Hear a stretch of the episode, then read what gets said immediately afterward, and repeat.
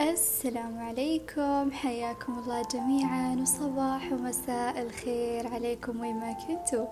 معكم أنفال العرجان جئتكم في بودكاست الأنفال بودكاست بنفحة اجتماعية تتراقص فيه المتناقضات بحرية.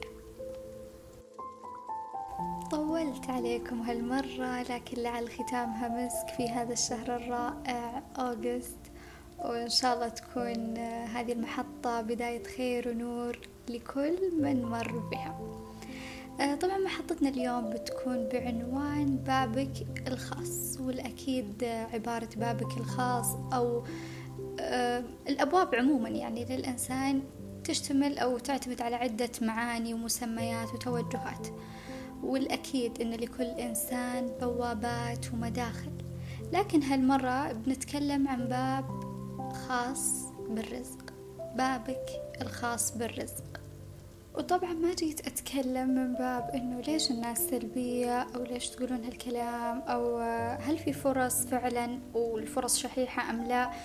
وليش الناس تتحلطم؟ وليش صاير وما صاير؟ لا أبدا. محطتنا اليوم لتسليط الضوء على بعض زوايا قد تعرفها أو تجهلها لكن الأكيد أن من إحسانك لذاتك الالتفات لهالجوانب والأبواب بجدية. طيب هل لكل شخص باب خاص ويهمل غيره؟ بالمنطق؟ لا. فمثل ما أنت إنسان من عقل وروح وقلب ينبض وجسد الرزق كذلك. له جم أبواب جم أبواب مختلفة عفوا. تحتاج منك أن أنت تلتفت لها وتشتغل عليها جميعها.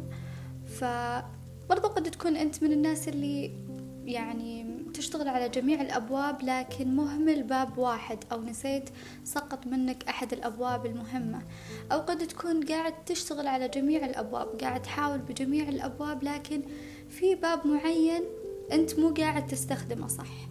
فبإذن الله أنه يكون هذا البودكاست هو نورك.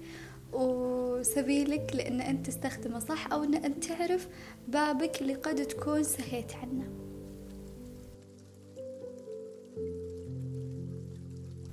وأولها وأهمها وأشوف من وجهة نظري يعني أهم الأبواب لأنه أحيانا قد تتوارى بقية الأبواب خلف هالباب من شدة تأثيره رغم بساطته ألا وهو باب أفكارك ومشاعرك ومعتقداتك.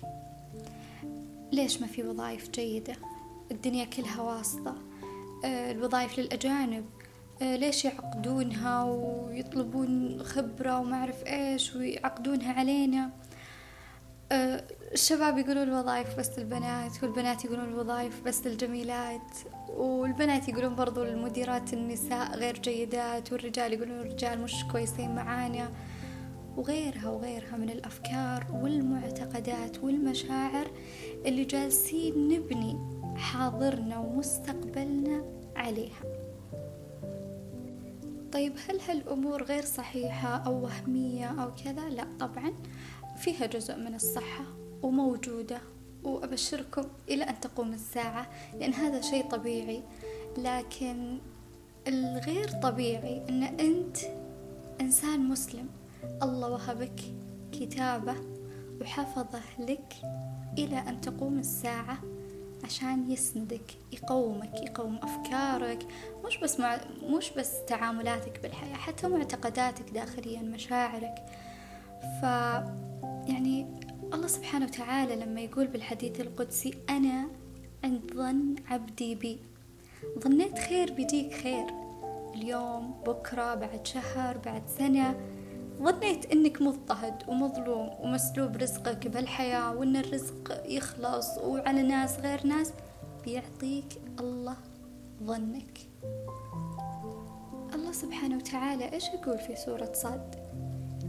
إن بدأها بتأكيد إن هذا لرزقنا ما له من نفاد دائم غير منقطع مستمر وبتزايد.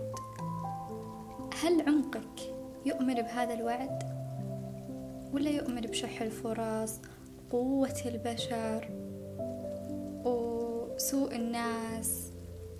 هل تتكئ بكل ثقلك على واسطة الأرض ولا واسطة السماء والأرض؟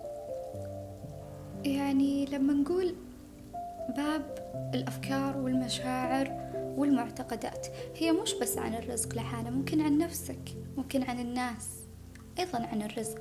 عن نفسك أنه أنت مثلا ما تقدر أو ما تحب هذا الشيء ويمكن أنت جربته جرب هذا الباب مثلا أو بعض أبواب الرزق يعني سواء وظيفة ولا بزنس ولا غيره. أفكارك مثلا عن الناس زي ما قلت بالبداية أنه الشباب يقولون البنات خذوا الوظائف. البنات يقولون إنه الوظائف بس للبنات الغير مثلا منقبات ولا محجبات ولا غيرها ولا المديرة المرأة سيئة. فطول ما أنت قاعد تحشو نفسك وأفكارك ومشاعرك بهالمعتقدات تأكد إن أنت راح تلقاها بطريقك. يعني قد تكون المواقف والتعسير اللي يحصل لك رغم اجتهادك هي رسالة الله لك إنك تعيد ضبط إعدادات أفكارك تنظف مشاعرك إنك تعيش بكل خلية فيك بيقين. مو بس كلام مو بس كلام تبلبله يعني بالمجالس إنه لا أنا واثق من الله أنا واثق إن ربي بيجيب لي وأنت بداخل مليان غيرة مليان حسد مليان خوف آه، مليان سوء ظن سواء زي ما قلت تجاه نفسك أو الناس أو الرزق بشكل عام. وانك تؤمن يقينا كل خلية فيك تؤمن بيقين إن الله لا يضيع أجر من أحسن عملا. أحسن لذاتك بترتيب نفسك داخليا وخارجيا واستعد لخيراته سبحانه وتعالى.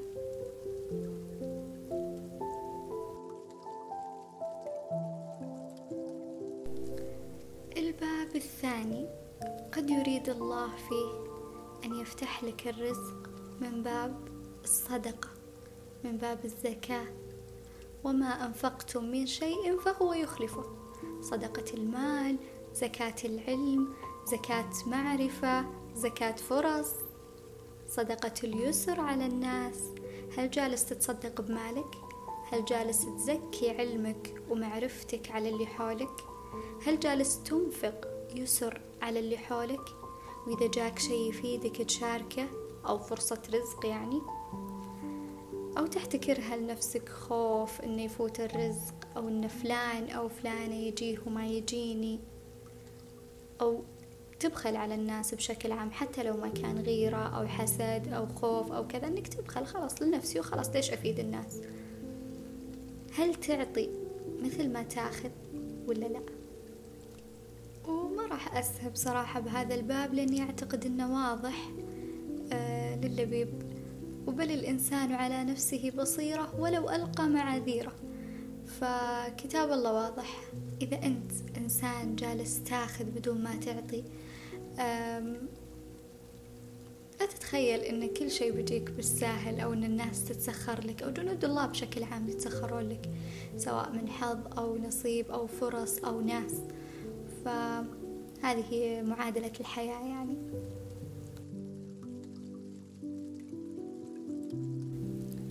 الباب الثالث باب الاستغفار. فقلت استغفروا ربكم إنه كان غفارا. يرسل السماء عليكم مدرارا ويمددكم بأموال وبنين ويجعل لكم جنات ويجعل لكم أنهارا. يا الله كيف هالكلمة المركبة تسوق لك كل هالنعيم؟ وعد واضح والله لا يخلف وعده. يعني كل هالنعيم تسوق كلمة أستغفر الله. لكن ليش الكثير مو قاعد يستفيد منها؟ طبعا اللي أبغى أوضح بهالنقطة أنه مو المقصود بالاستغفار أنه يكون بلبلة بدون شعور وهدف. إنما الاستغفار باستشعار الاستغفار بوعي بنية واضحة. خلوني أوضحها لكم أو أشرحها بطريقة أوضح شوي. بالبداية استغفر عن أي سوء بدر منك للناس لنفسك الكائن حي. استحضر المواقف. إنه واستغفر بحضور ذهني وشعوري وأن تطلب الله المغفرة. يعني صار موقف مثلا عابر أو أنت ما تعمدت أن أنت تأذي إنسان. لكن الأكيد خلوني بس أنبه على نقطة مهمة. الله سبحانه وتعالى لا يدخل بينك وبين عباده. بمعنى ذنبك مع الله يقضي به الله برحمته. لكن ذنبك على عباد الله يستوجب رد الحق قبل استغفارك. طب رديت الحق أنت كيف تستغفر؟ استحضر المواقف سواء لنفسك أو للناس. يعني الموقف اللي حصل أحيانا أذيتك على نفسك إسرافك في أمرك بالإهمال بالتسويف بتقصير معين قد يكون ذنب معين عندك. فاستحضر هذا الشيء واستغفر الله عليه بشعور بحضور. بالبداية الموضوع قد يكون صعب عليك إنه أنت كيف أستغفر وأستشعر بنفس الوقت الموقف أو الكذا لكن أثق إن مع التكرار والمحاولة راح تكون سهلة واصلا لما تذوقون حلاوتها وأثرها صدقوني بتدمنون هذا الشعور أو هذه الطريقة بالاستغفار الصحيحة.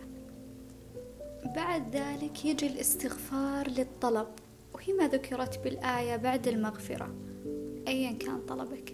لكن عندي ملاحظة أخيرة. انتبهوا تختبرون الله فيما تقدمون.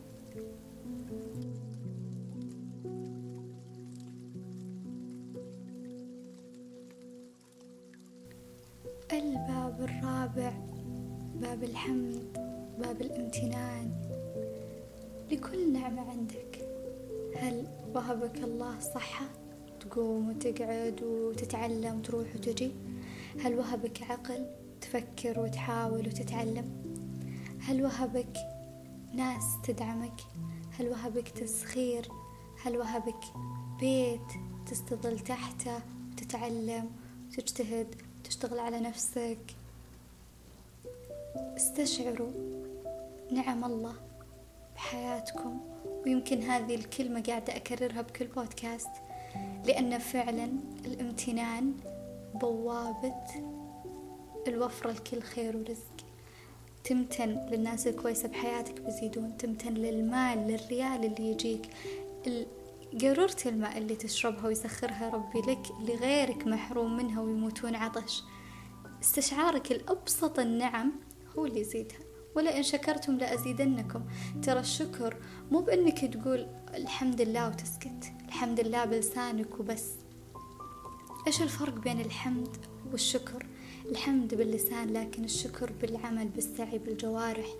هل أنت قاعد فعلا تشكر الله على نعمة؟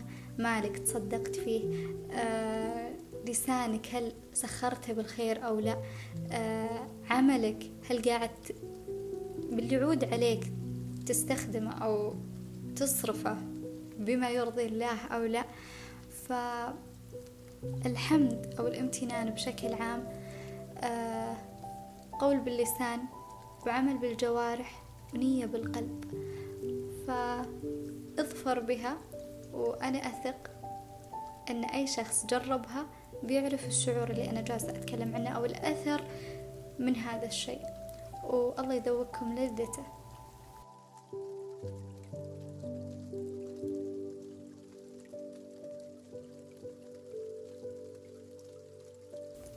الباب الخامس والأخير السعي ثم السعي ثم السعي.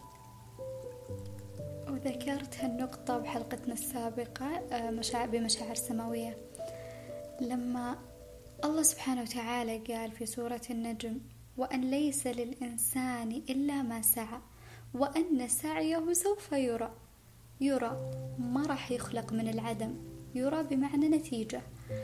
فسعيك بذكاء بتمحيص للوضع حولك للحياة آه، للتسارع اللي حاصل للتغيير اللي حاصل بيفيدك أنت قبل ما يفيد غيرك. فالفكرة مو بأن أنت تسعى بذكاء أنك تخلق شيء جديد. لا خلوني أبسطها بطريقة شوي توضح. أه تخصصي وقف التوظيف فيه مثلا أو غير مطلوب حاليا. وخلوكم من كلمة تخصص غير مطلوب تخصص غير مطلوب. ما في تخصص غير مطلوب لكن في تخصصات شدة الطلب عليها قد تكون يعني أشاحت النظر عن باقي التخصصات الأخرى. وهذا ما اللي استوجبته الحياة يعني خاصة بالتسارع والتقنية والأشياء هذه. فشفت تخصصي مثلا ما فيه توظيف أو ما يوكل عيش أو مثلا حابته لكن ما أقدر أكمل فيه بال بمسار أو وظيفة كويسة أو ترضيني أنا أشوفها. طب إيش الحل هل إني أظل أقدم وأتحلطم إنه ما في توظيف؟ هل إني أقول ليش تطلبون مثلا خبرات وأنا جالس بالبيت؟ أسعى أشوف إيش المسار الآخر اللي أنا مثلا أفضله أو أتقنه أو المهارة الأخرى اللي أتقنها وأكمل فيها بمساري. يعني أبدأ أتعلمها آه، أتثقف فيها أقويها يعني عندي إلى أن أصل لمرحلة إنه الإتقان. ومو شرط الإتقان إنه تكون يعني شخص مثلا الإتقان بدرجة كبيرة لكن الدرجة اللي تأهلك وتفتح لك أبواب الرزق فيها. فهذه أحد النقاط. النقطة الثانية البحث. وأكاد أجزم أن البحث آه، أحد أكبر البوابات اللي راح تفتح لك عوالم ما تخيلتها بحياتك. من العلاقات من الأفكار من المهارات من أبواب الرزق. يعني بحثك راح يعرفك بالتطبيقات اللي تساعدك مثلا آه، بأنه أنت كيف تطور مهاراتك. بحثك راح يساعدك بأن أنت تعرف أماكن وأشخاص راح يعلمونك إيش المسارات أو الطرق أسهل الطرق اللي تتقن فيها مهاراتك أو أسهل الطرق اللي تجد فيها فرصك الأفضل. بوابات راح تساعدك مثلا في وين تطرح مهاراتك أو كيف تطرحها. كيف تسوق لنفسك؟ كيف تسوق لمهاراتك؟ وخلوني يعني أنوه على نقطة بسيطة بموضوع التسويق للذات مثل ولها علاقة بنقطتنا الأولى اللي هي الأفكار والمعتقدات اللي هي كلمة الواسطة. الواسطة يعني هل هي شيء سلبي أو إيجابي؟ هي ميزان يحتمل كفتين. آه، فيها الإيجابي وهي الناس للناس وهي التزكية. وهي المدح أنك آه، تقدم شخص ويعني تثق بما يقدم. الكفة الأخرى السلبية اللي نعرفها لكن خلونا نغير منظورنا شوي على فكرة الواسطة أنه هي تزكية. الواسطة تكون شيء سلبي إذا وضع الشخص الخطأ في المكان الصح أو الشخص الغير المناسب وضع في المكان المناسب. آه فخلونا نحاول شوي ننظف هالمعتقد. آه وندعو الله أنه يسخر لنا جنوده في السماوات والأرض. فبحثك راح يساعدك بأن أنت تكون علاقات عفوا تكون علاقات آه كويسة. راح آه تقوي اسمك في مجالك. كيف تسوق لنفسك في مجالك؟ مو شرط أنا أتكلم التسويق عن السوشيال ميديا لكن كيف تثبت نفسك في مسار ما أنت حاب تشتغل فيه أو تسترزق منه. فهذه يعني نقطة أتمنى وضحت بطريقة سلسة وواضحة وننتقل للنقطة اللي بعدها.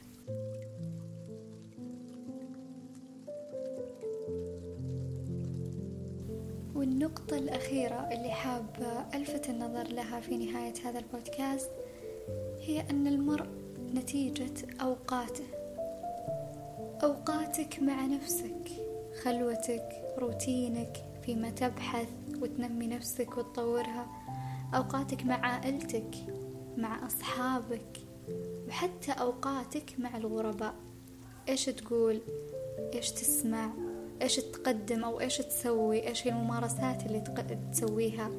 والغرباء سواء بشكل مباشر أو عبر السوشيال ميديا. وهذا محك النقطة صراحة. أه انتقي متابعينك لأن إذا سابقا يقال المرء بأصحابه فحاليا المرء بمن يتابع بمن يقضي وقته أيا كان.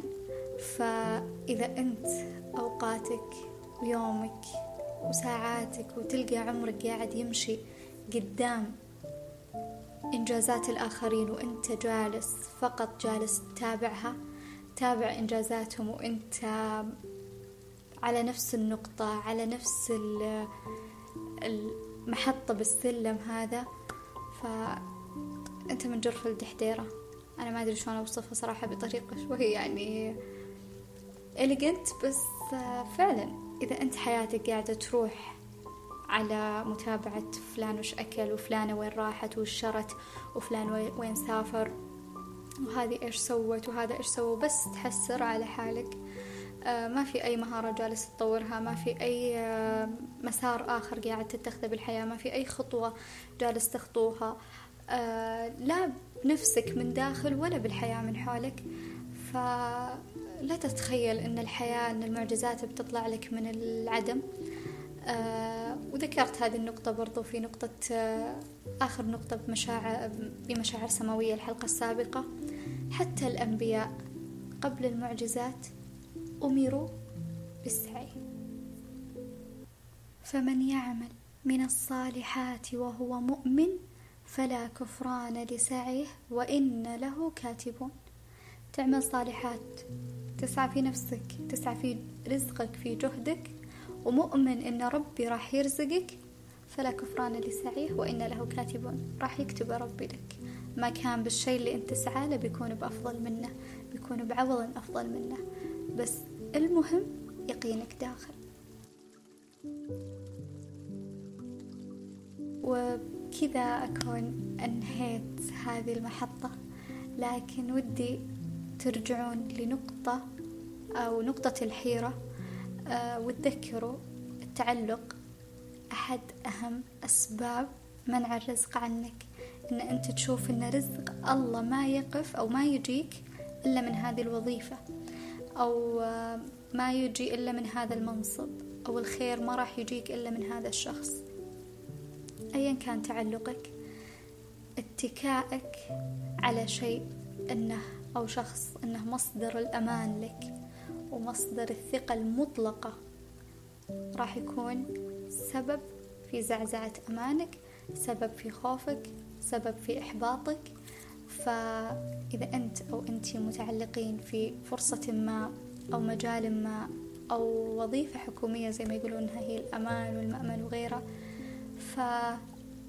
فعدلوا